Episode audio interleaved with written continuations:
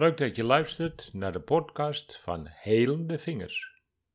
Ik ben Ruud Overstegen, ontwikkelaar van vingerreflexologie. Ben je ook klaar met jouw overprikkeling? Vandaag deel 2 over de vingers liegen niet. Heb jij ook zwemvliezen? Veel mensen die in mijn praktijk komen zijn zeer gevoelig, overgevoelig en soms praten ze zelfs over hun zeer hoge gevoeligheid. Ze hebben daar hun hele leven al behoorlijk last van en weten niet hoe ze mee om moeten gaan.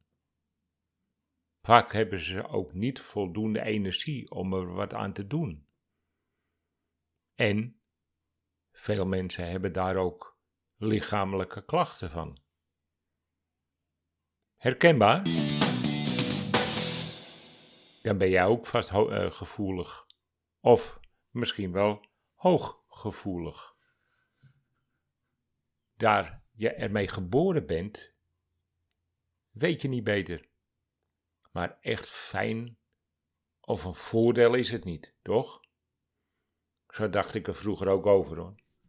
Ik was heel gevoelig en voelde zelfs meer dan ik toegaf om niet apart te lijken. Maar hoe ouder ik werd, hoe meer mijn gevoeligheid me tot last was.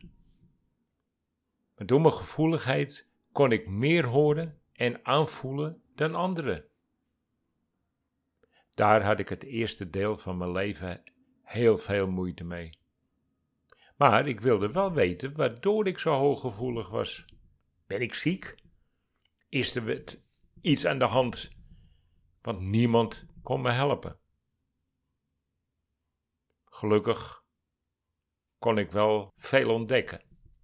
En zo ontdekte ik dat onze vingers tot meer in staat zijn dan wat algemeen bekend is.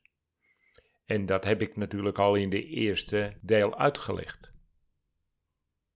Toen ik als tiener met mijn ouders bij de buren op verjaarsvisite was, moest ik natuurlijk iedereen een hand geven. En door een handje te geven, gebeurde er iets raars in mij. Ik voelde de pijn en de emotie van de ander. Ik trok elke keer weg. Ik wilde niet op een verjaardag zijn. Na afloop wist ik hun namen niet meer, maar wat ze me keerden, bleven bij me. Ik voelde me ook altijd zeer vermoeid na een feestje. Jaren later toen ik meer leerde over de verborgen kracht van onze vingers, ontdekte ik ook dat je kunt zien of iemand heel gevoelig is. Je begrijpt dat die gevoeligheid nu in mijn voordeel is. Daardoor heb ik de afgelopen jaren aardig wat mensen kunnen helpen. Hoe kun je zien of iemand hooggevoelig is? En waar komt het vandaan? Eerst maar een fabeltje uit de wereld je bent niet hoger gevoelig omdat je een nieuwe tijdskind bent, of misschien wel een uitverkorene. Maar eerst hoe je kunt zien aan die vingers dat je hooggevoelig bent. Hoe meer emotie je oppikt, hoe verder je de muur van je af wilt zetten. Het lijkt hem wel of je huid van je af wil staan.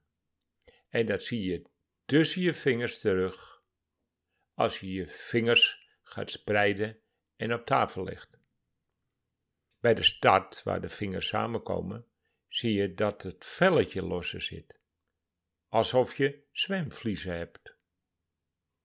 En aangezien dat vanaf de start tot het eerste kootje de eerste 15 jaar van je leven vertegenwoordigt, kun je zien dat je ermee geboren bent.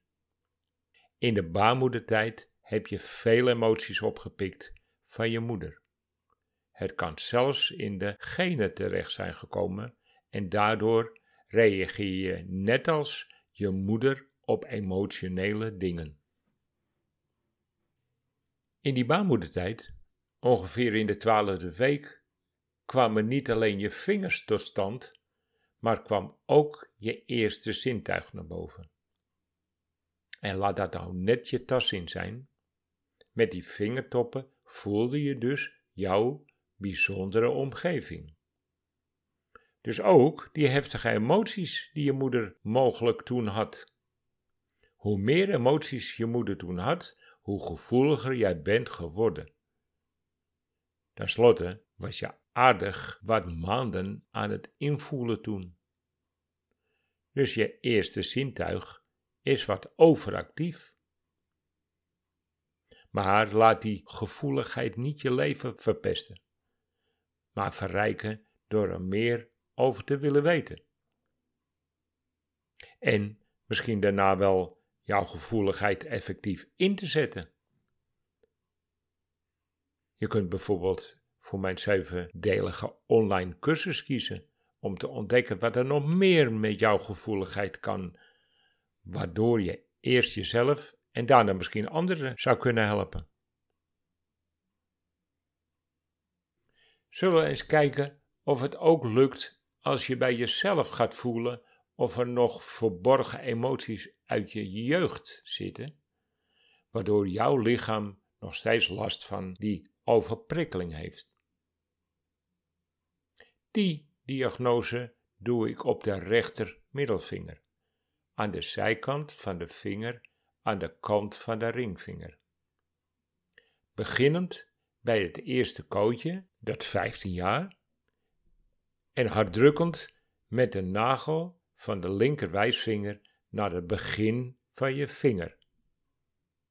Mag een beetje stevig, want soms ligt het wat dieper. Voel je daar een bobbeltje onder je huid? Ik noem ze de ongebruikte adrenaline, die je anders voor vecht- en verstarhouding nodig hebt. De start van je vinger is jouw geboorte. Het eerste kootje is rond de 15e jaar. Je kunt nu bepalen op welke leeftijd je dit hebt opgelopen. Het is een soort tijdlijn om uit te vinden waar de oorzaak ligt van het probleem die je nu hebt. Er is veel meer over jouw gevoeligheid en de vingers te vertellen. Abonneer je dan op de podcast Helende Vingers en je krijgt bericht wanneer er een nieuwe verhaal is geplaatst. Vingerreflexologie voor jouw mentale gezondheid. Tot de volgende keer.